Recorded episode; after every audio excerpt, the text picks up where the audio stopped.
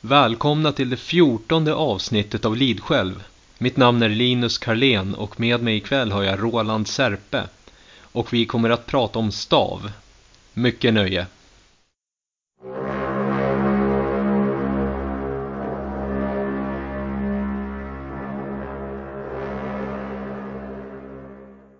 Välkommen till podden Roland Serpe. Tack så mycket. Jag tänkte börja med att höra lite om dig själv. Eh, du kan ju börja med att berätta lite om dig själv. Jag är 40 plus, 44. Småbarnsfar, bor i Sörmland. Jobbar inom ett internationellt industriföretag eh, med IT-frågor. Och jag är väl antagligen här då eftersom jag ägnar mig åt någonting som heter stav. Mm, det stämmer. Det är precis därför du är. Och stav har ju en koppling till nordisk hedendom och, och eh, den här podden handlar ju om nordisk hedendom. Ja, precis. Men du kan ju även berätta lite om stav. Och tänk nu att det är alla möjliga som lyssnar. Det är de som är insatta i asatro och nordisk hedendom men det är även kanske de som inte vet någonting om det här ämnet alls. Så du var ganska grundlig. Ja, det, är lite, det, är, det, här är ju ett problem för det är ett ganska stort ämne egentligen. Mm. Men man kan ju, vi kan ju börja i den moderna stavhistorien så att säga. Och den offentliggjordes 1992 av våran traditionsbärare Ivar Hafskjold. Mm. I en engelsk eh, kampsportstidning. Och beskrevs där i egentligen som, som en skandinavisk kampkonst. Men det där är egentligen en väldigt förenklad bild. Han visste ju inte riktigt hur han skulle presentera det här 1992. Man får ju tänka på att då fanns det liksom ingen egentligen större hednisk rörelse i, i Europa eller i Sverige eller, eller någonting överhuvudtaget egentligen. Mm. Så att han var ju tvungen då att försöka presentera det på ett vettigt sätt och det vettigaste han kunde komma på var ju att, presentera det som en kampkonst. Men egentligen så kan man säga att det bygger på hans familjs utbildningssystem. Och för att förstå det så måste man då tänka sig att han är uppvuxen i en ganska lantlig miljö i Norge. Eh, I en familj som är väldigt, väldigt gammal och har verkat i det här området väldigt länge. Och i den här utbildningen då så ingår egentligen allting man kan tänkas behöva i livet. Från andligt bruk till praktiska ändamål, kampkonst, eh, filosofi, läkekonst. Eh, allt möjligt. Eh, shamanism. Eh, ja, det, det, det är ganska svårt att sammanfatta det. Mm. Men är det ungefär som eh, munkarna har sin Shaolin? Det är, det är ett helt system med liksom filosofi, träning, kampsport, levnadssätt. Eh, de lever ju hela sitt liv efter Shaolin-läran. Det, kan man, det är nog inte en helt orimlig jämförelse faktiskt. För att eh, det, det är lite annorlunda för oss som har kommit in i det här i vuxen ålder, men våran om man tittar på våran traditionsbärare så är det här någonting som verkligen genomsyrar hela hans existens, hela hans tillvaro, hela hans, hela hans dag och hela hans existens egentligen på, på alla sätt och vis. Mm. När kom du i kontakt med Stav? Var det när du läste den där tidningen då eller? Uh, egentligen lite senare. Uh, jag snurrade runt i alla möjliga sammanhang på 90-talet och, och, hade ett intresse i, i nordisk andlighet och, och, kände mig liksom manad att söka mer efter det. Eh, och någonstans så kom jag i kontakt med en esoterisk orden i Sverige som inte finns kvar och jag vet inte om den egentligen har existerat. Det var nog mer en papperskonstruktion. Och där i ett reklam folder för dem så nämner de att de ska verka för att bevara den nordiska kampkonstens stav. Mm -hmm. Och okay. av någon anledning så fastnar det här namnet i huvudet på mig. Och något år senare så sitter jag och en kille som jag umgicks mycket med på den tiden och, och diskuterar olika kampkonster. Och han är just då inne och letar, vill leta reda på någonting väldigt annorlunda och söker runt i alla möjliga kulturer och kontext och, och sitter och beklagar sig till mig och säger att han stör sig på att det inte finns någonting i våra trakter. För här har det ju funnits strid och kamp som i alla andra kulturer men han kan inte hitta någon rejäl kampkonst. Det finns ju glima. Alltså... Ja, och, men det var inte vad han sökte efter för glima är ju mer av en idrott. Han ville mm. ha en kampkonst. Mm. Och då eh, säger jag till honom att jo, men jag känner till någonting som heter stav.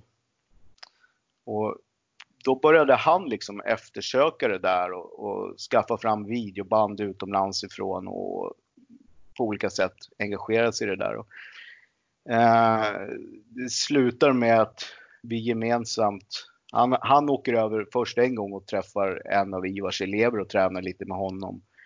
Och sen åker vi gemensamt över år 2000 och, och träffar Ivar och tränar med honom under en vecka på ett sommarläger i England. Häftigt. Ja. Men eh, du kan ju beskriva lite mer, hur är själva kampkonsten? Den heter ju stav till exempel. Använder ja. man en stav? Ja, man använder en stav, men det är inte därifrån namnet kommer, utan namnet kommer ifrån de stavar som utgör en runa. Mm. För att allting i stav bygger på den yngre 16-typiga runraden. Mm. Ja, men jag har sett lite bilder där hur ni står i så här run, vad, vad kallar ni det? Runställningar, runpositioner? Runställningar. Mm. Uh, egentligen, traditionell, den traditionella benämningen är att sätta stavar. Och det kommer från en dikt som är traderad i familjen. En, en dikt på fornidisslag som avslutas med att eh, eh stavar sätter Heimdalls söner. Och mm. Eh, det, det refererar då till runställningarna som är den viktigaste kunskapen inom, inom den här traditionen. Okej. Okay. Men... Det, det, var det han då expanderade till. Han var ju tvungen att hitta ett namn på det här. Det fanns ju inte någon namn i hans släkt. Det var ju någonting de gjorde liksom. Mm -hmm. Men eh, är det mer filosofiskt eller är det mer av en kampsport som ni kör sparring och sånt? Alltså sparring, det här är ju en vapenbaserad kampkonst. och sparring i relation till vapen har en tendens att liksom förstöra eh, strukturen och, och få folk eh, att lära sig ganska dåliga vanor. Eller förstöra tänder och läppar och tinningar ja, sånt. precis. Det, det, det, är liksom det ena eller det andra. Liksom. Mm, mm. Antingen mm. får du utöva ganska taskig kampkonst eller så kommer folk bli skadade. Så vad, vad vi gör är egentligen vad man kan säga två, tvåmannaformer. Att eh, en anfaller och sen så försvarar sig den andra enligt vissa givna mönster. Mm. Men eh, då är det så att vissa runställningar som är defensiva, de passar mot vissa andra som är offensiva då? Eh, för att eh, göra någon form av relevans så kan man säga så här att vi ser runorna som geometriska arketyper. Låter det, det kanske låter konstigt men... Nej, jag förstår exakt vad du menar. Men, ja. det, det, är en geometrisk arketyp och det, det som gör stav lite unikt är att vi ser de här geometriska arketyperna i relation till den egna kroppen. Mm. Och alla runor då kan appliceras som kampkonst. Och sen är det en fråga om man, om man gör det defensivt eller offensivt. Mm. Och det relaterar i sin tur till, till en del andra saker så att säga. Men den här norrmannen då som, han bodde i England? Han eller? bodde i England. Men han, han har inte skrivit någonting eller? Han hade sin skola där men det finns ingen bok eller skrift om det här? Eh, Nej, och, eller skola vet jag. Han har egentligen aldrig haft en skola. Det, det, man måste förstå är att det här är någonting som i hans familj har lärt sig ut från äldre släktingar till yngre släktingar. Och han har tagit till sig, eller rätt sagt elever har gått till honom för att söka undervisning och, och fått undervisning. Och sen är det vissa av de eleverna då som i sin tur har försökt bilda skolor. Men det här funkar lite knackigt i, i om du tänker i en dojo-form. Det här funkar bäst när man kanske är en grupp på tre personer som studerar tillsammans. Mm, mm. Uh, och det här är ju en oral tradition, det är en muntlig tradition och det bygger egentligen på, alltså på en, på en överföring från en person till en annan. Så att skriva om det här är lite av en, uh, det går lite emot filosofin i systemet. Mm, jag läste det, att du inte gärna ville skriva en bok om allt det här. Nej, och det, det är ju, det är lite, det är lite så här äh, tvetydigt av mig, för jag har ju trots allt skrivit en blogg som innehåller ganska många artiklar. Mm. Och eh, som jag håller på med i sex år. Så, så den är ganska omfattande och ganska djuplodande på vissa aspekter. Men jag vill inte skriva en bok där jag staplar upp allting, du vet A, B, C, D. För att jag tror att då eh, uppmanar jag inte läsaren att försöka förstå och lära sig själv. Men om man skriver en bok, sen skriver man ett riktigt tungt förord där man liksom eh, skriver ja den här boken är inte, syftet är inte det här, bla bla. Då kan man ändå komma undan med att skriva en bok om ett ämne som är väldigt så här, esoteriskt och så. Ja, men, men det, det, det, finns en problem med böcker.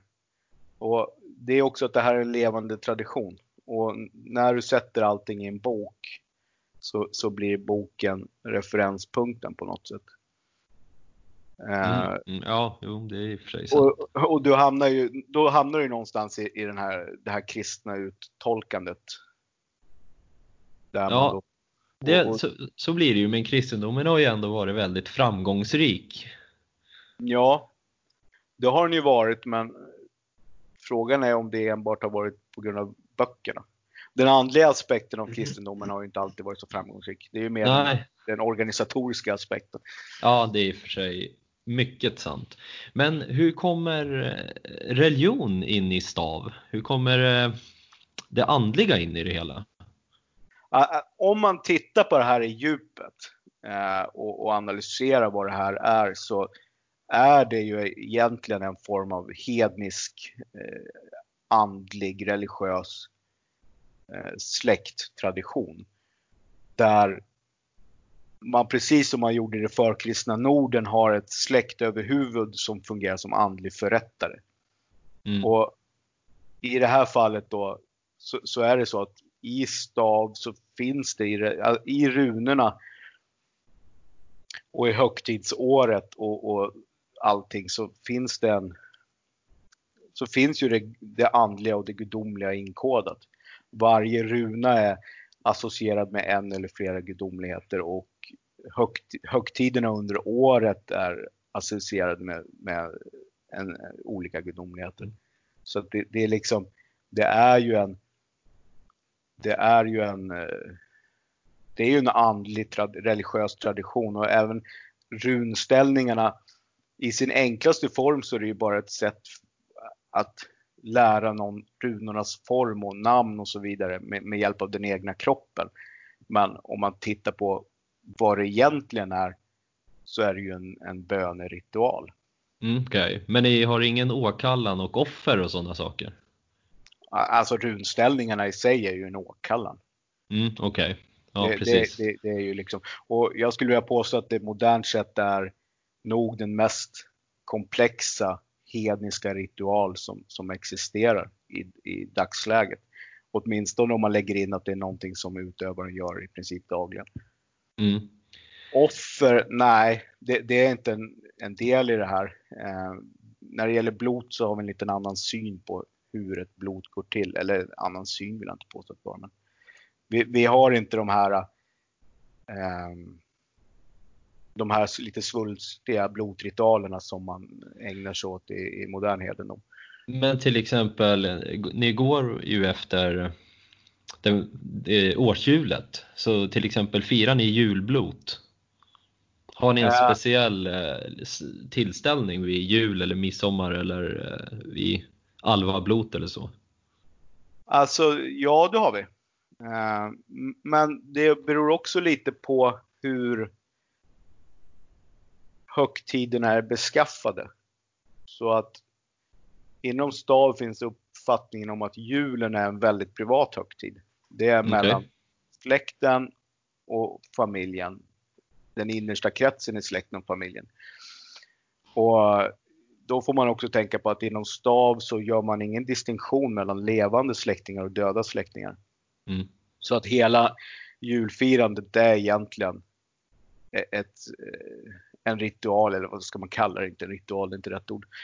Det, det är mellan de levande och de döda. Det, hela julen går ut på att eh, bjuda in förfäderna på olika sätt e, enligt stavsätt. Och sen har man då det som modernt kallas midsommar som inte alls är midsommar enligt den hedniska kalendern. Som eh, ses som en mera offentlig högtid eh, i bygemenskapen. Mm. Så där, där firar vi, kan vi fira mera. Inom stavkretsarna så firar vi midsommar hellre tillsammans eh, än julen om man säger så. Okej. Men Och ni, sen- ni firar liksom, ni går ändå efter årshjulet?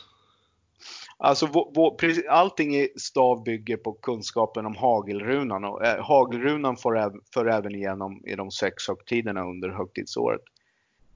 Så att eh, vi följer hagelrunan året runt så att säga. Varje arm på hagelrunan representerar en högtid under året. Okej, ja, du har gjort några Youtube-filmer som jag skummat igenom och där går det ju till exempel igenom kalendern men det, det är väl 40 minuters information va? Eller något i den stilen. Ja, och då har jag ändå försökt förenkla det så mycket jag kan. Liksom. Ja, ja. Det, det här det- är väldigt, det, det är en, om man tittar på stav på ytan så är det inte jättekomplext. Men om man börjar försöka se, sätta sig in i varför, varför, varför är det så här? Då hamnar man jättesnabbt i ganska djupa vindlingar ner i nordisk hedendom och, och gammal tradition. Mm, mm. Eh, Stav har ju en speciell koppling till Heimdal som jag förstått Ja. det. Ja. Du, berätta gärna varför. Det, det är egentligen flera anledningar. Ena anledningen är att Heimdall inom traditionsbärarens familj ses som en av släktens förfäder. Mm.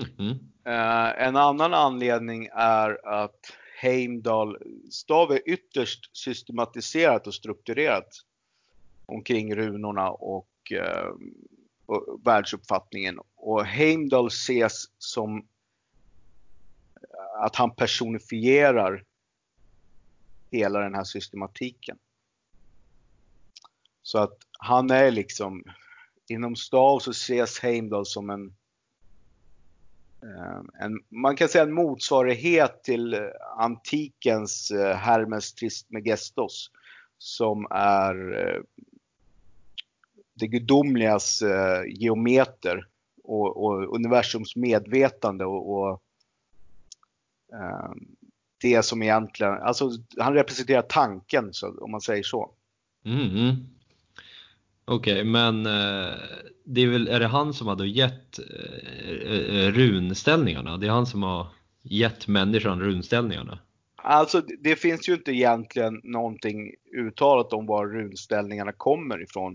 Eh, så annat än att det finns en, eh, en myt beskriven inom stav om hur, hur systemet en gång i tiden skapades. Mhm. Är det något du vill dela med dig eller är det något personligt för utövarna? Nej, egentligen inte. Det har delats med förut men jag, jag vill ju lämna en brasklapp om att det, är, eh, att det ska ses som en myt. Mhm. Ehm, och, och vad man säger är i princip att man såg hotet från kristendomen ute i Europa ungefär efter romarrikets fall. Och man såg att kristendomen förr eller senare skulle utgöra ett allvarligt hot mot den skandinaviska kulturen. Så att man samlar representanter för tre maktcentrum i Skandinavien på en ö utanför Göta älv. Och där spenderar man en tid tillsammans och strukturerar upp ett system där man gömmer massa kunskap i, i runorna. Och, och strukturerar, lägger ner mytologisk kunskap och eh, skapar ett system som ska vara lätt att överföra från en person till en annan. Och sen så återvänder man då hem till sina platser och, och för det här vidare i sina samfund och byar. Mm. Och det, det, ska ju ses som en absolut myt. Det finns ju ingen som kan styrka det här men å ena sidan så tycker jag det är väldigt intressant att det faktiskt finns en myt som beskriver varför den yngre runraden skapades. För att det, det, finns ju inte någon annanstans. Det är bara ett konstaterande att den dyker upp väldigt fort. Jag har faktiskt aldrig tänkt på egentligen varför de Nej, skapar det, en ny runrad. Det, det, finns ingen som, som, det finns inget som styrker det och många språkvetare säger att det är konstigt att de går till färre runor när de borde gå ja. till fler. Och sen så ser man ju också den här strukturen att den äldre runraden är lite mera eh, det är lite mer av ett gytter om man säger så. Runorna ser ju lite eh, ut på alla möjliga sätt i den. Och ja. i den yngre runraden så har det plötsligt en uniformerad runrad där alla runor utgår från en huvudstav. Mm. Och det finns ju ingen rationalt i det någonstans heller, men det är ju det som är grunden till våra runställningar. Om inte runorna hade sett ut så där hade vi inte kunnat utföra dem. Ja, en, an, en, annan intressant sak i den här myten är ju att det faktiskt finns en sån ö beskriven utanför Göta älv. Göta älv utgör ju fram långt in på medeltiden en naturlig gräns mellan Norge, Sverige och Danmark. Och utanför där så finns då en ö som heter Danholmen som är beskriven i källorna att en lott där tillhör kungen av Norge och en kungen av Danmark och en kungen av Sverige. Och på den där ön så har man eh, förhandlat fram fredsföredrag och, och sådana här saker vid flera tillfällen. Okej, okay, har du besökt den här ön? Nej, jag har inte gjort det. Eh, det är en liten karg ö som ligger någonstans ute i västsvenska skärgården. Så att jag har liksom inte hittat någon anledning att åka dit. men, ja, jag, jag, skulle gärna göra det. ja, alltså det känns ju givet att du borde åka dit ju. Det är ju, tror jag skulle passa dig. Ja, nej, men jag, jo, nej, men jag har ju besökt de, de andra eh, eh, platserna som är kopplade till det här så att eh, någon gång lär jag få besöka den där också. Mm. Vad finns det för andra platser som är kopplade då? Det, det, det, finns den, den, eh, det område i södra Norge där den här släkten kommer ifrån. Um, och släkten, det, släkten har då ett symbiotiskt förhållande med en väldigt, väldigt gammal gård på platsen. Och den gården är belagd i skriftliga källor första gången i mitten av 1300-talet. Men ett av de namnen som som förekommer på släkten och gården. De, de har egentligen två namn. Ett av de namnen refererar till en, till en gammal fornborg som också ligger på, på samma mark så att säga. Mm. Den, Men den här, den här släkten är fortfarande aktiv då inom stav och så? Det är, det är våran, det, det, man har gjort i den här släkten är egentligen så här att man har inte undervisat folk som inte har visat något eget aktivt intresse. Mm. Man har egentligen erbjudit alla släktmedlemmar Eh, kunskapen och sen så har, har de fått ta aktiv del i själva att driva sin egen utbildning. Och sen har man väl lagt lite mera krut på att utbilda släktöverhuvudet. Och våran traditionsbärare Ivar berättar att när han var liten, barn på 50-talet, då var det ingen som var intresserad i det här överhuvudtaget. Okej, okay, så han var den enda som eh, tog till sig allt det här då? Eller? Ja, i princip. Det, alltså det var ju utspritt i delar runt omkring i släkten så alla kunde väl liksom eh, lite av, av det så att säga. Och, men det följer liksom ur modet på 50-talet. Det var inte intressant. Och det där var någonting som slog an lite i mig för att i min familj hade vi också en, en örtmedicinsk tradition eh, som eh, en av mina förfäder ägnade sig åt. Och jag frågade en av mina släktingar varför den där försvann. Och då var svaret helt bryskt så här att ja, men vadå, apoteket kom ju till byn på 50-talet så de skrattade bort jobben. Vad synd. Ja, men, men det, jag, tror att det ligger, jag tror att det är ganska mycket grejer som försvann i, i den eran när vi Mm. blev mer urbaniserade. Modern, så här, extrem modernism. Det var ju i Ja. början på 50-talet då i alla fall. Det är bara om du kollar på så här gamla hushållsböcker och sånt från förr i tiden. Det var ju liksom hur man gjorde allt möjligt. Så här, eh, färga kläder i barkkok och såna här saker. Det är ju, vem kan det idag liksom? Men ingen kan det. det. Räcker ju att titta på, på jag har någon så här gammal Bonniers kokbok hemma från 70-talet eller någonting. Då är det så här hur man slaktar en gris liksom. Mm. Och jag menar, det är det är ju bara jägare som kan det idag och slakta det. Ja, Det är, det är ja. ingenting någon skulle göra hemma, ta hem en hel gris och stycka upp i små bitar och, och frysa in. Liksom. Det, skulle, det är inte många som håller på så. Nej, men en modern eh, människa kan väl knappt eh, ta ur en fisk. Så det, Nej men så är det ju. Det är lite skrämmande faktiskt. Ja, alltså det, det vore ju väldigt intressant om det skulle bli en här samhällskollaps och liksom det skulle bli ett riktigt stålbad. Vad skulle folk göra då? De skulle inte ens klara av att typ rena vatten ur en sjö. Alltså, Nej, nej, det skulle de inte göra. Nej, nej. Och, men det skulle ju, det, det, läsk, alltså jag tyckte det räckte med den här coronakrisen om man såg när folk sprang och köpte toapapper som besatta. Jag tyckte det var ju tillräckligt talande. Liksom. jag har ju, alltså jag tycker ändå, nu har vi spårat ur lite, men just toalettpapper, man kan ju i princip leva ett helt liv utan toalettpapper. Jo, men liksom det, det naturliga hade ju varit att man hade gått in och köpt alla konserver de hade i butiken. Liksom. Men toalettpapper är ju helt... Men eh, ble, blev inte bara toalettpappret en symbol för allt? Till exempel när jag gick och handlade i den där hetsen där, då fanns det inget kött. Så hela liksom, köttdisken var helt eh, urplockad. Fick köpa en sån här pulled turkey eller något sånt där som det var det enda som fanns. Liksom. Som isär så är det inte satt. Ja, här ska vi gå tillbaka lite till ämnet då. Men, Ja, det kan vara. Ja. Det är ro, ja. eh, ja, ni har ett eh, stavhov också. Det kan du Ja, berätta ja. lite om. Ja, eh, det föll sig så att vi skulle skaffa ett hus, jag och min fru. Och när vi kommer att titta på det där huset så, så, så är det avstyckat från en gammal frikyrkobyggnad. Så att jag, jag var ju inte alls speciellt tänd på det där, liksom att dela liksom, liksom de frireligiösa tomtar så nära in på mig själv. Men eh, som det är här i världen så, så är det ju så att vissa saker är ju kvinnorna som bestämmer helt enkelt. Det mesta, ja. Ja, och speciellt då så när man har ett hus som passar alla, alla checkboxar i övrigt så, så, så är det svårt att argumentera emot. Så att jag eh, gick väl med på det. Eh, så att då bodde vi granne i x antal år med en frikyrkoförsamling. Och det var ju, när vi först köpte huset så, så trodde vi att de drev med oss för de sa ju att det var ju bara en gudstjänst om året på sommaren. Mm. Och det visade sig vara sant, för det var det i princip. Det var bara någon gång annars. Eh, men det var ju liksom hundratals, hundratals människor som dök upp. Det kunde, liksom, det kunde vara en bi, parkerad bilkö ner 300 meter på vägen. Liksom, och liksom det var hundratals människor. Det var helt bisarrt.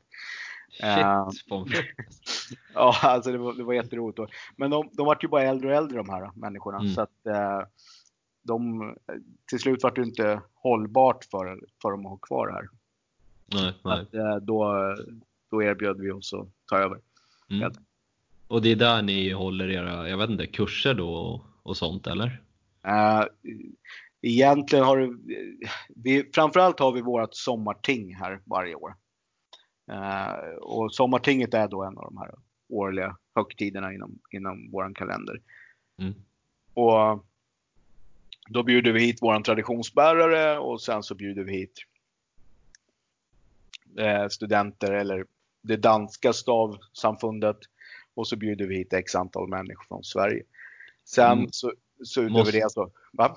Får jag bara kliva in med lite jag. Är det, kan, bjuder ni nyfikna och sånt också eller är det mest Ja. et- etablerade? Som, Ja, under några år så, så hade jag ganska öppet att vem som helst fick komma. Men då var det så där att det var folk som dök upp och sen så tränade de inte någonting under året och så dök de upp nästa år igen. Och, så det, det innebar att hela grejen bara stagnerade. mm, Så att då gick jag över till att bara bjuda in aktiva utövare. okej. för- Min ambition är någonstans att försöka få så mycket kunskap och så mycket ja, hög nivå som möjligt överfört från våran traditionsbärare. Så att jag, vi kan bygga upp en ny generation instruktörer här. Och då mm. tänker jag att den nya generationen instruktörer kan mycket väl ta sig an nybörjarna. Okej. Okay. I år däremot kan det tänkas bli lite annorlunda för att eh, mycket sannolikt så kan inte vår traditionsbärare komma hit eftersom det ser ut som det gör. Han vågar väl inte? Eh, alltså vågar gör han ju absolut. Jag det, tänker mest på Sverige har inte så jättebra rykte just nu. Liksom. Nej, det har vi ju inte absolut. Men eh, det är, trots hans eh, respektfulla ålder så är han en ytterst vältränad och fysiskt eh, aktiv och frisk människa. Så att mm, mm. Jag, jag, tror inte att han har någonting hälsomässigt att oroa sig för. Men eftersom han bor i England så tror jag de kommer inte ha öppet. Och eftersom han är så pass gammal som han är så är han ju formellt tillhör han ju en riskgrupp. Mm, mm. Men du, eh, om man är en ensam person och du bor i 20 mil nordväst om Boden. Hur gör man då om man vill träna stav? Alltså, då, då, det har hänt något väldigt besynnerligt med, med människorna de, de sista 20 åren. För att för mig var det inget konstigt att sätta mig på ett flygplan och åka till England för att jag ville ta del av det här. Mm. Um, och jag har även rest till England efter det och rest till Danmark och så vidare. Men i, idag är det sådär att du kan i princip inte få en människa att resa mer än 15 mil. Det är, det är jättekonstigt.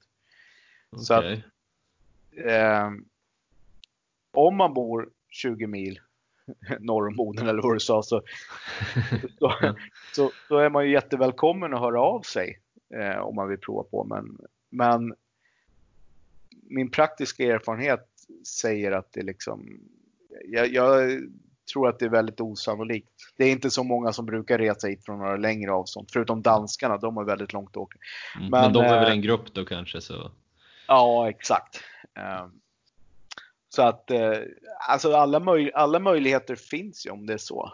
Mm. Men kan man träna det helt själv eh, eller måste man, du måste träffa någon som lär dig helt enkelt? man behöver träffa någon som går igenom grunderna med en. Sen är ju det finurliga i det här att eh, du efterlyste ju böcker, men det finurliga är ju att det här är till viss del sin egen bok. Väldigt mycket lär man sig genom att utöva runställningarna. Mm. Så att om man spenderar en, en helg eller så med en instruktör och får med sig eh, runställningarna och får en kunskap över hur de eh, överförs till, till grundhuggen inom kampkonsten. Då har man att göra på egen hand säkert ett år framåt. Okay. Men då är det ju helt upp till en själv att, att ha den disciplinen att man tränar och utövar också. Mm. Ja. ja, vad heter det, är det något mer du skulle vilja säga eller? Nej, jag egentligen inte. Jag hade hoppats på att du skulle ha några insiktsfulla frågor. Alltså jag har en massa frågor. Jag menar eh, vilken runställning är bäst? Vilken koppling har ni till Oden till exempel och, och sådär? Alltså, och, och ja. kallar ni er asatroende också, eller? Uh, Okej, okay, då kör vi det där i, i uh i, i uh, turordning. Mm. Runställningarna, varje runställning fyller en funktion och ett syfte. Så det går liksom inte att säga att någon är bättre än de andra. Utan det, det är ju helt situationsbundet. Mm. Och varje runställning eller varje runa är ju kopplad till en specifik eh, gudomlighet. Så att det, alla har ju både ett praktiskt och ett andligt ett andligt användningsområde om man säger så. Mm, mm. Så att det, det, är totalt 19 gudomligheter. Det är 16 runor och 19 gudomligheter. Och orsaken till det är en viss kalendarisk tek, eh, teknikalitet som ligger till grunden för det här systemet. Uh, och så var det Oden då som du undrade mm. över. Ja. Uh, stav är egentligen uppbyggt på två manliga gudomligheter och en eh, feminin gudomlighet. Som så att säga lite, jag ska inte säga att de är viktigare, eller jo det är de på ett sätt, men de är mera fokuspunkten inom traditionen. Och Heimdall är ju då den absolut viktigaste inom det här. Mm. En, av, en av de andra fokusgudomligheterna är just Oden. Eller Hoss som han heter stavspecifikt. Och det, det, där är ganska intressant för att om man tittar i nordisk myt allmänt så är det ganska många myter som bygger just på den här uppdelningen. Två manliga och en feminin. Du har vanorna till exempel som ett av de tydligaste exemplen. Så att mm. det, där, det där är inte någonting unikt för stav egentligen. Så att Oden är en jätteviktig gudomlighet inom stav. Sen tänkte jag fråga också, kallar ni er då asatroende? Alltså, nej, det gör vi inte. Därför att eh, vårat eh, panteon består av mer än bara asagudomligheter. Eh, och eh, tro är utifrån ett stavperspektiv också en liten eh, besynlig benämning på det vi, det vi ägnar oss åt. Det vi, vi håller på med är ju snarare gnossis än, än tro. Mm. Vi, vi, vill uppleva och se saker och, och, så, inte tro saker. Tro är, tro är i, utifrån mitt perspektiv ett ganska kristet begrepp. Okej, okay, ja. Eh, jag tänkte även, eh, du är bekant med begreppet utesittning. Ja. Eh, då sägs det ju om man sitter ute en natt, då kan man uppleva olika saker, man kan få lite mer insikt ja, generellt. Då. Är det något man kan få inom stav också? Att man kan få liksom insikt? Alltså utesittning är faktiskt en traditionell teknik inom stav som man har använt på vissa sätt. Um, på ett ganska specifikt sätt i stavsfall. Um, och runställningarna i sig fyller en liknande funktion faktiskt som utesittning. Mm, så man kan få liksom en uppenbarelse eller en insikt av om man ja. håller på med det här? Ja. Ja, ja det låter jag, schysst. Väldigt många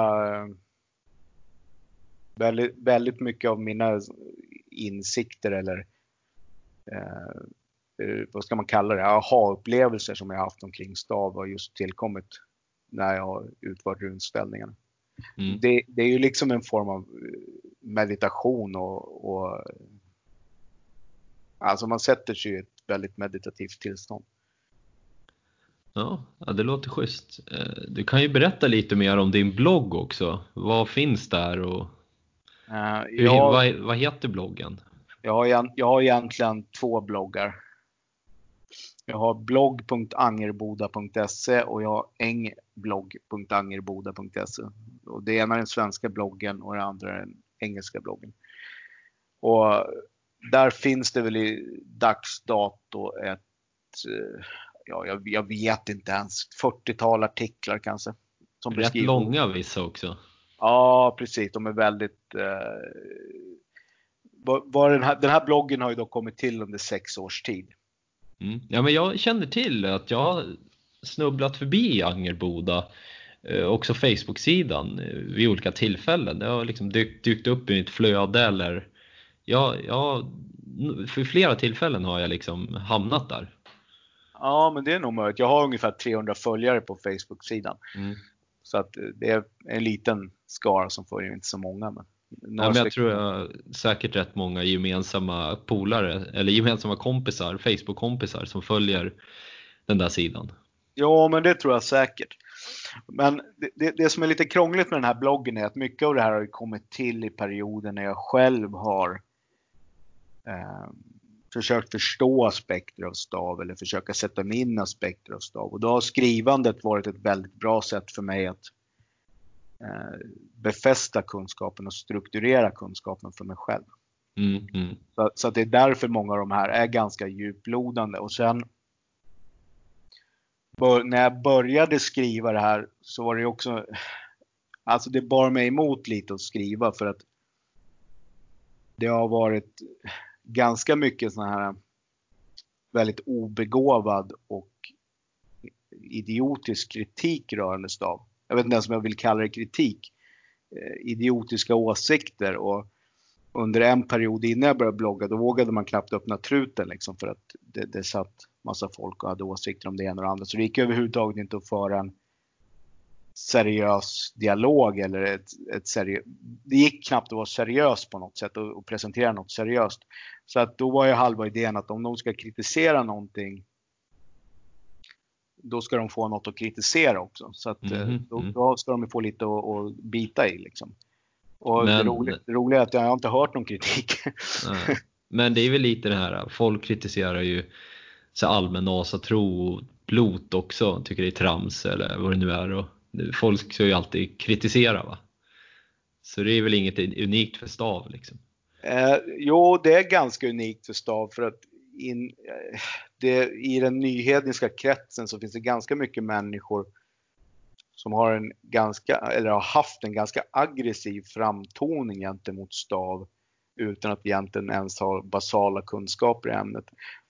Av någon anledning så blir folk oerhört provocerade av stav. Jag vet inte riktigt varför, för jag har aldrig upplevt det själv. Okay. Jag, jag, jag, förstår inte ja. varför, men, men, de ser nästan rött bara de hör talas om stav. Och, och det, det, är för mig, de, de, tycker ofta själva att de är väldigt intelligenta för att de har en kritisk hållning och säger att det är helt orimligt att det ska finnas någon hednisk tradition och det är bara skitsnack och hittepå. Mm -hmm. Men man är ju inte kritisk och man är ju inte intellektuell på något sätt om man bara vräker ur sig saker om någonting man överhuvudtaget inte vet någonting om. Alltså min syn eh, på eh, stav och utesittning och alltså det, jag är ju typ lite mer mainstream nordisk hedning då. Ja. Och jag ser, jag har även läst en bok som heter Votans väg som jag gjorde ett avsnitt av. Jag ser alla de här som förgreningar av nordisk spiril, vad heter det? spirulatism. Spiritualism, ja. ja så det är bara en förgrening eh, av det liksom. Så det är väl inget konstigt med det. Nej, men det, det, nej, det är det ju inte. Och, och, på något sätt är det så här, det, det är jätteroligt att folk säger då till exempel att de är asatroende och verkligen, jag tror på asarna och det är mina gudomligheter. Och sen så säger man så här, ja men du det finns en levande hednisk tradition som, som är gammal. Och då säger de så här, det är inte möjligt, det är bara skitsnack. Man har ju inte speciellt stor tilltro till sina gudomligheter i sådana fall. Om man, tror, om man utesluter att de någonstans har lyckats stoppa undan någonting som har, som har blivit kvar. Ja. Alltså det blir ju väldigt lustigt att man säger att man, man har fullt förtroende för gudarna och det är gudarna man följer men att gudarna skulle ha kompetens att se till att någonting någonstans liksom kvarvarar. Mm. Att man mm. finner det helt orimligt, det blir ju jättekonstigt. Och det blir ännu konstigare när man tittar runt om i vårt samhälle för det finns ju massa kvarlevor efter hednisk tid. Det är bara att vi inte ser dem för att mm. vi är så vana vid dem.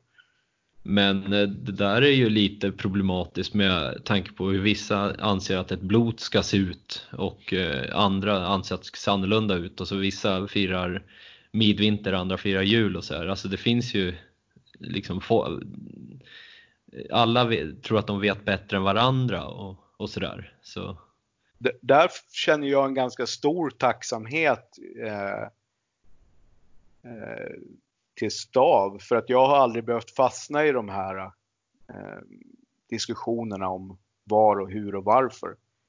Vi, vi, vi har en tradition vi måste förhålla oss till. Vi vet vad vi gör, vi vet varför vi gör det, vi vet när vi gör det och vi vet hur vi gör det. Mm.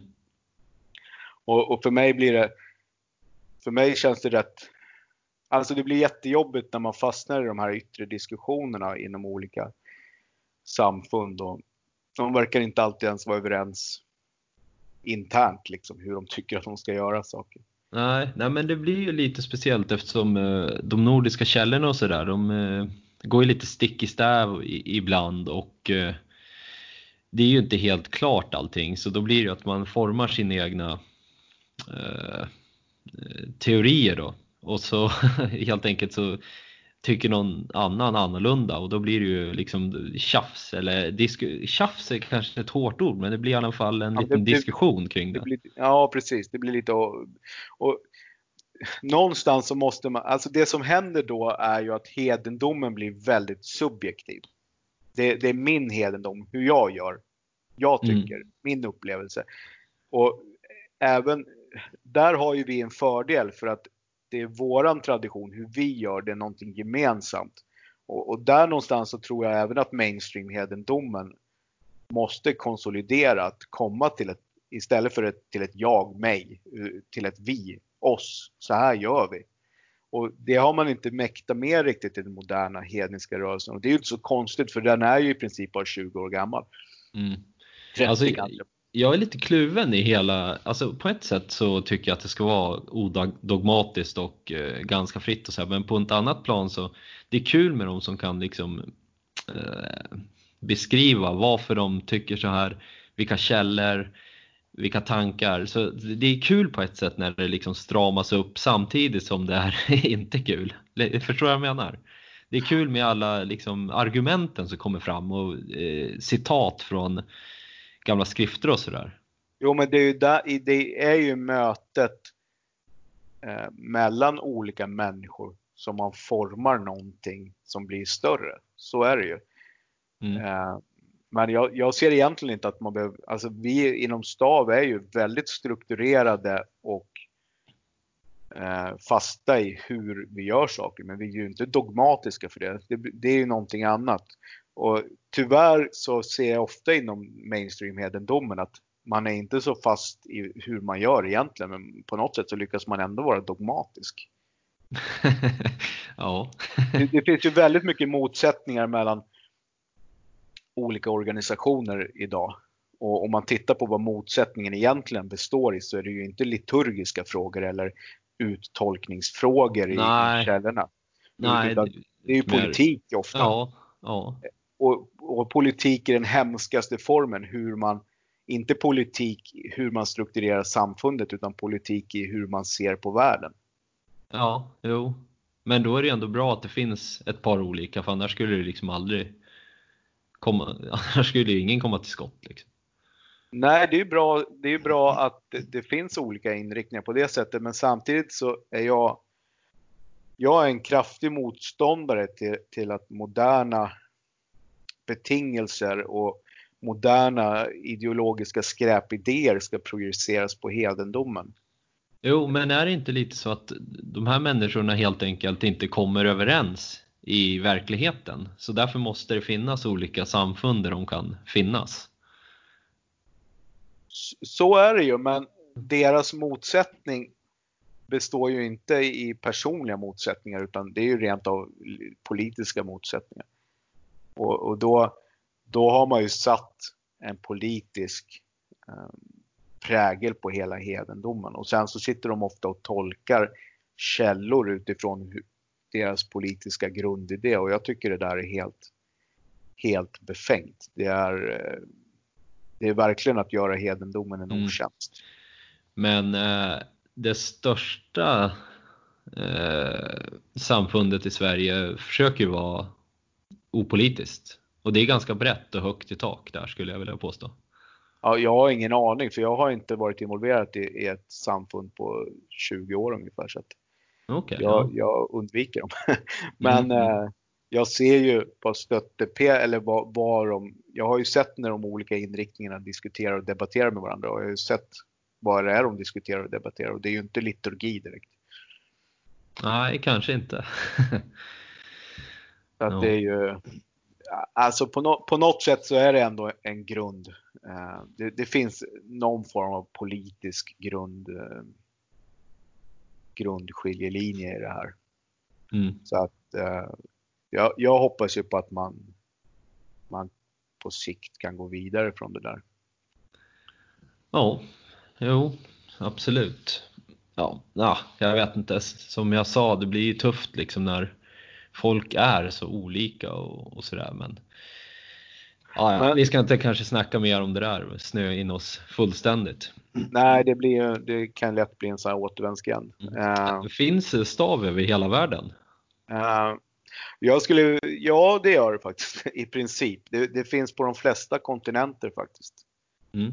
Um, och ni har kontakt då? I, alltså, det finns en, uh, ett nätverk? Ja, det finns en uh, informell struktur kan man säga. Det finns ju ingen, ingen egentlig organisation. Men uh, vi är ju egentligen inte fler än att alla vet vilka alla är vid namn. Så att, eh, och det, finns, det finns utövare i, i Australien, det finns utövare i Japan, det finns utövare i USA. Mm. Eh, på olika platser i Europa. Ja. Det, det finns lite här och var faktiskt. Okej. Okay. Ja, nu har vi snackat här nästan i alla fall en timme om stav. Och ja. eh, är det något mer du vill tillägga eller? Nej, egentligen inte. Om inte du har några fler frågor så. Det, alltså, vi skulle kunna säkert hålla på en timme till. Så att, mm. Ja, men jag eh, tänkte fråga dig eh, i alla fall eh, om, jag frågar alla mina gäster de är med första gången om de har något boktips. Mm. Uh, egentligen har jag inte något jättebra boktips för att jag, jag brukar mest läsa akademiska uppsatser faktiskt när det gäller olika aspekter av hedendomen. Mm -hmm. Så att, att, jag har inget uh, jätte så här, solidt boktips faktiskt. Inte som jag kan komma på på rak arm. Jag borde kanske ha tagit fram någonting. Ja, men alltså det behöver inte vara något eh, om just det här eh, egentligen. Nej, det behöver det inte vara kanske. Då, då skulle jag egentligen vilja tipsa om min eh, vän Thomas Karlssons böcker. Eh, framförallt bland mystiker och magiker i förorten. Det är okay. en ganska intressant bok. Jag känner eh. faktiskt igen den titeln lite grann.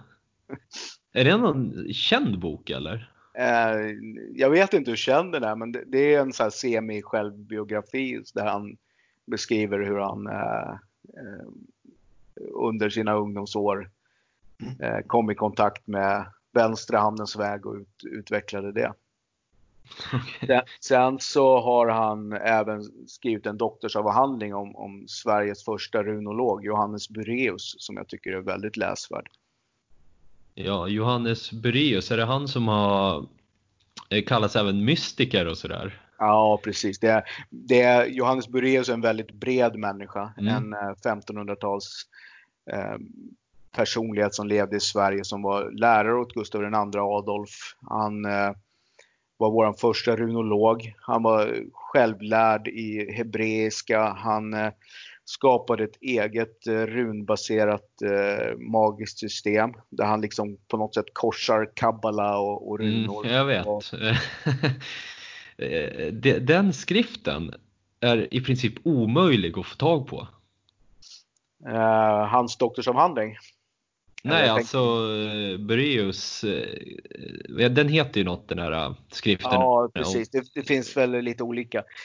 Eh, han har väl skrivit lite flera stycken, men de finns bevarade på Kungliga biblioteket. Jag tror det finns två, tre exemplar i Sverige. Okej, okay, ja. För att jag hittade den på Bokbörsen, då var det någon som skulle ha typ tusen spänn för den eller något sånt där. Ja, okej. Okay. Men då är det ju någon då återtryck. Det är möjligt att det är det, det, är svårt att få tag på. Mm. Men, men hans, det... hans doktorsavhandling går ju att ladda ner, Thomas. Så att uh, den går ju liksom att, att, att ta del av. Och, och, den är ganska intressant. Jag ser vissa jag, kanske vaga men ändå någon sorts av paralleller mellan eh, Johannes Bureus system och eh, stav det är ganska tydligt att han har gått runt och, och plockat upp folkmagi och, och levande bruk på 1500-talet och sen använt det när han har konstruerat sitt system. Ja, det vore ju riktigt intressant att läsa hans system.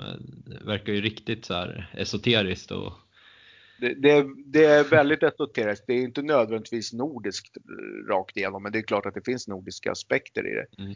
Och jag tycker ändå personligen att det finns ganska mycket beröringspunkter mellan kabbala och eh, nordisk hedendom. Eh, okay.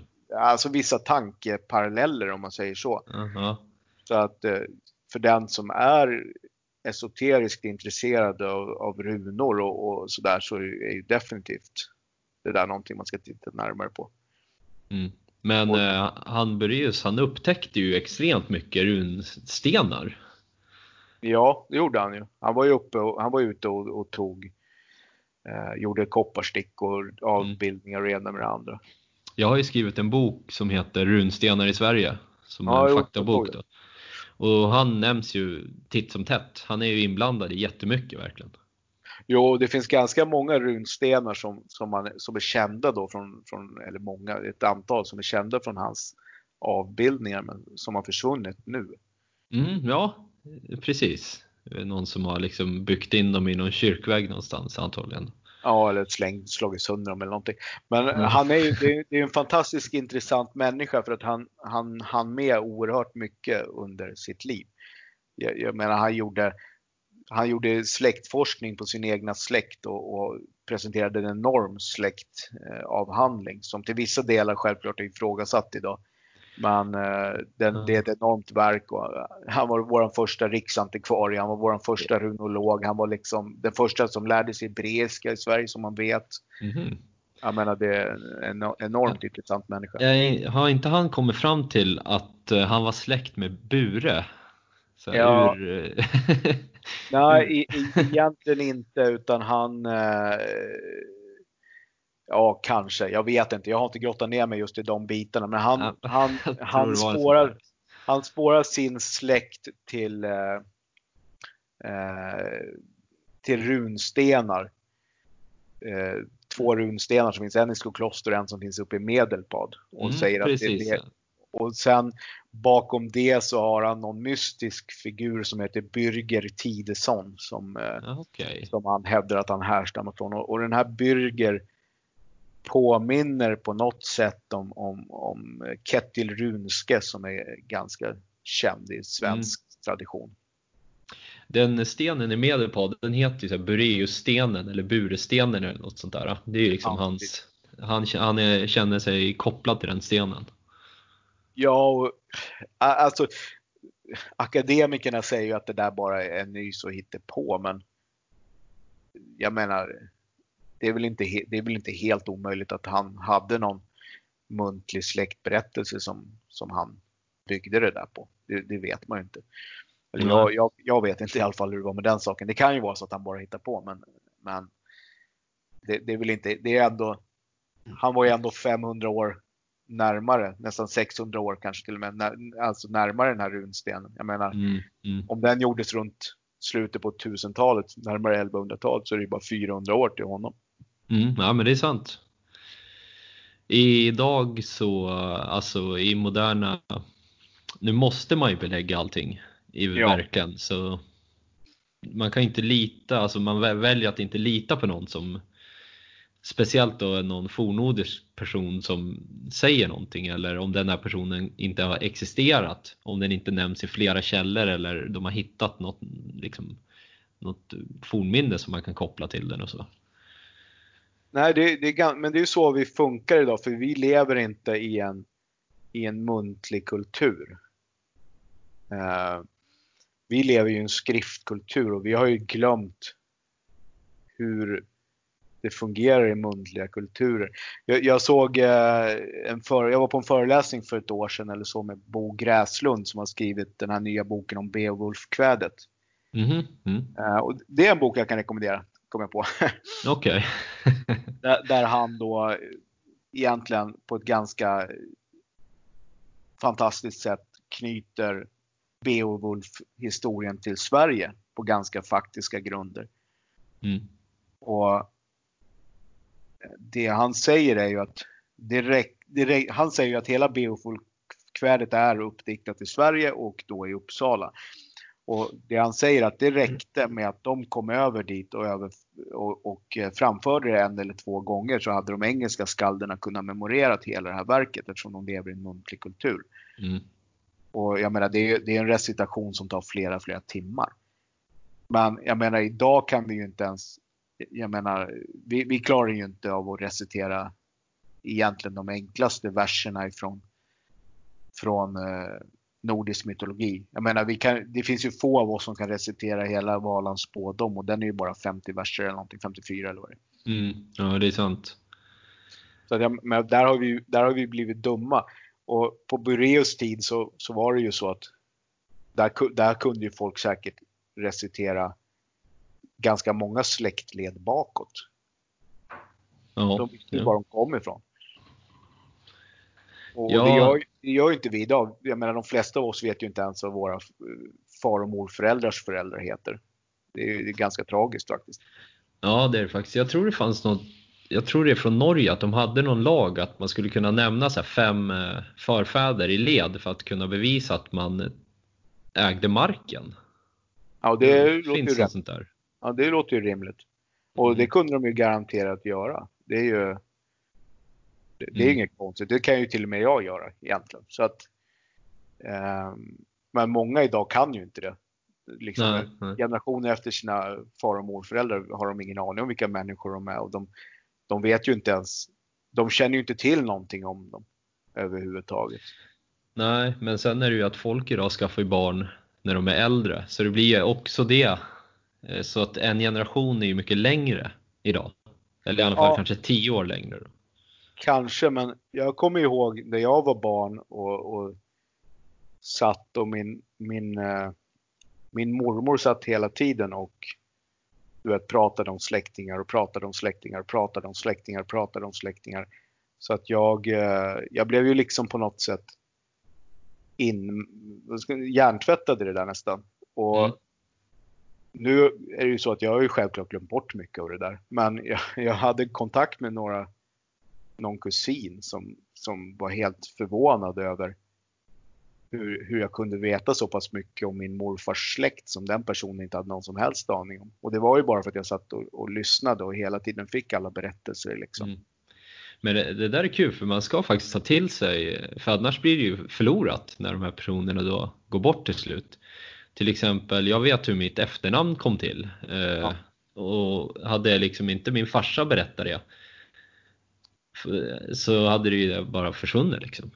Ja, det, och det är en pusselbit i, det kommer ju vara en pusselbit även i dina barns existens. Mm, mm. Det, det, är liksom ingen stor pusselbit kanske, men bland väldigt, väldigt många små pusselbitar bygger ju ett helt pussel till slut. Mm, mm.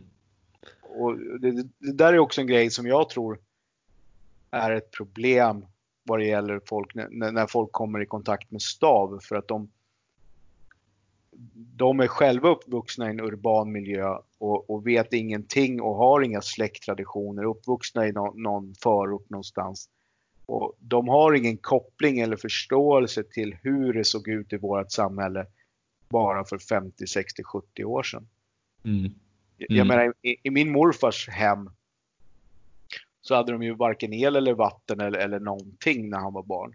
De, det första fordonet var en, eller en motorcykel och den var väl han i princip vuxen när han, när han fick. Mm, mm. Den delar de ju på, hela familjen i princip. Så jag, jag menar, och då pratar vi om 80 år sedan. För 80 mm. år sedan levde vi i ett väldigt lantligt, väldigt annorlunda samhälle. Och när jag var barn satt jag i min morfars gam, i hans hus i det skafferi som var där. Och så var det någon syster till min morfar som var där och jag sa jag förstår inte varför man har ett så här stort skafferi. Du vet, det var ett sånt här skafferi man kunde gå in i en dörr liksom. Mm. Jag förstår inte varför ska man ha ett så här stort skafferi. Hur ska man kunna fylla det? Och hans syster bara skrattade åt mig och, och, och sa, du vet, pojk när vi var barn, då fanns det inga snabbköp. När det var slut i skafferiet, då hade vi inget att äta. Ja, men det är som jag sa tidigare, men om det skulle bli något samhällsbrott nu så det är bra att ha ett stort skafferi kanske. Ja, absolut. Alltså, men vi har ju tappat det. På två generationer har vi tappat hela förståelsen för vad det krävs att liksom överleva utan ett snabbköp. Till den grad att när vi ser att det börjar bli lite skakigt, då åker vi till, till, till affären och köper toapappret. Jag menar, det är ja. helt galet. Ja, är, man är ju barn av sin tid så det är ju egentligen tragiskt då faktiskt. Men eh, det, går ju, det går ju att ändra på. Det går ju att ändra på. Det kommer säkert, det kommer, vi kommer tvingas att ändra på det här. Eh, antingen väldigt snabbt och brutalt eller över lite tid. Det här är ju bara ett temporärt tillstånd av överflöd. Det kommer ju inte att vara. Så att jag har alla betänk alltså jag har all, all tilltro till att vi kommer att, att gå vidare. Problemet mm. är ju hur mycket vi tappar i den här egocentrerade, kortsiktiga, ehm, ganska slapphänta världen vi har existerat i just nu. Väldigt mycket kunskap och väldigt mycket eh, insikter har ju försvunnit de sista hundra åren bara. Ja, alltså förr i tiden så om, kunde ju en helt vanlig person kunde ju skilja på alla träden som fanns i skogen. De visste ju hur en asp och en lind och allting såg ut. Idag, hur många kan det idag egentligen? Man vet så här, tall och gran och björk i princip. Ja, eh, alltså jag visste inget, eller ingenting ska jag inte säga, men jag visste väldigt lite om sånt där innan jag eh, flyttade ut där jag bor nu, mitt i skogen. Och det här, det här är också, just det där med träd är ju en punkt där, där stav har hjälpt mig ganska mycket för att varje runa, eller rättare sagt varje gudomlighet är associerad med trädslag. Så för mig mm. var det mm. väldigt viktigt att lära mig alla trädslagen som, som är knutna till gudomligheterna.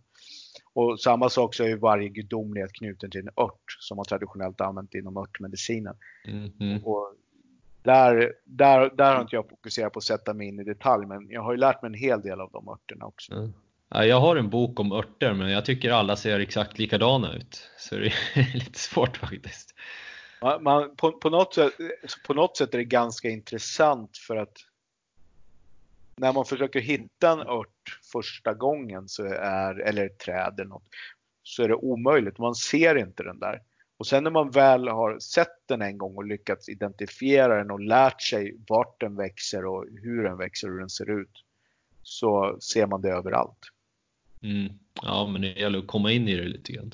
Det, det, gäller att komma in i det. Och det, just det här med örter tror jag är en viktig... Det är någonting som, jag vet inte, det, det, intresset för örtmedicin växer ju, det är ingen tvekan om det och det tror jag är bra. Mm, mm. Ja, alltså örtmedicin fungerar ju också. Det är det som är grejen. Ja, exakt. Det fungerar och, och det är ett det är betydligt snällare mot kroppen än vad modern medicin är. För i modern medicin finns det en massa saker som inte är naturliga helt enkelt. Mm. Men örtmedicinen är ju lite mildare så att den på något, inom Stavs örtmedicin så ser man eh, bruket av örter lite mer förebyggande. Det finns en del örter även för, för akut avhjälpande av problemen. Det mesta är eh, för att liksom se till att man äter en, en bra att man har en bra grunddiet hjälper väldigt mycket. Och bara mm. att ha en mm. bra grunddiet är inte så enkelt idag. Liksom. Nej, nej, det är ju det är bara att titta hur folk ser ut kanske. Ja, men, ja, men vi, vi, är ju överviktiga och vi är ju liksom eh, ja, jag menar, vi, vi, ser inte speciellt roliga ut de flesta av oss. Nej, nej. Men eh, det är ju lite i, i mänsklighetens natur att man vill ju liksom eh, lata sig och köpa snabb mat och eh, dricka god läsk och sådär. Ja, det, det, det, det, är, är ju människans natur helt enkelt. Ja. Det är samma för djuren, om du ger en eh, katt liksom jättegod mat hela tiden, då blir också den eh, dekadent och överviktig och sådär. Ja, men så är det ju, för det, det är ju ett sätt Alltså naturligt så finns det ju svältperioder eller åtminstone snåla perioder. Som vi liksom som vi också har glömt bort idag. Jag, jag har en eh, gammal bekant som, ja faktiskt, eh, eh, ja sak samma. Men jag har en gammal mm. bekant som, eh, mm. som eh, har en fru från, eh, från Östeuropa. Och han förstod inte varför man åt ägg till påsken. Och hon tittade. Det, det var lite samma reaktion som där med mig och skafferiet. Hon bara tittade på honom mm. och skakade på huvudet och sa men när det är kallt ute så värper inte hönorna på vintern. De börjar inte värpa igen förrän påsk, så det är då man äter dem, ägg. Mm. Och, men det är en sån naturlig koppling som, som vi överhuvudtaget, vi, vi förstår ju inte liksom. Och, jag menar, även om vi har höns så ser vi ju till att det är hyfsat varmt där de befinner sig så att de mm. värper säkert året runt ändå. Men, men det, det, är ytterligare en sån här grej hur vi kop, tappar kopplingen till eh, årshjulet som du nämnde. Mm, mm. Ja, men eh, det börjar bli ganska sent. Ska vi ta och runda av lite kanske? Ja, det är väl dags att bryta det här. Mm. Ja, kan vi väl snacka i två timmar till. Ja, men jag tänker att eh, lyssnarna nu då, ni kan ju gå in på blogg.angerboda.se var det va? Jajamän. Sen finns ju Angerboda även på Facebook. Ja, precis. En Facebook-sida som heter Angerboda och sen så är det ju även så att, det kanske jag ska ha nämnt tidigare, att jag eh, är initiativtagare till en ganska stor eh, hednisk Facebookgrupp som heter Nordisk hedendom. Okej. Mm. Där vi sätter lite eh, vi har ganska höga krav på att hålla nivå på diskussionen och vi försöker samla olika inriktningar med största respekt för allas, eh, allas olika idéer och tankar. Och det har funkat väldigt bra. Det är väldigt bra diskussioner i den där gruppen. Så att vill man ta del av hedniska diskussioner på en, på en bra nivå så rekommenderar jag folk att gå med där också. Mm. Ja men det låter bra. Får hoppas Kanon. att folk gör det. Ja, Ja. suveränt. Mm. Då får jag tacka. Ja, Hej. tackar.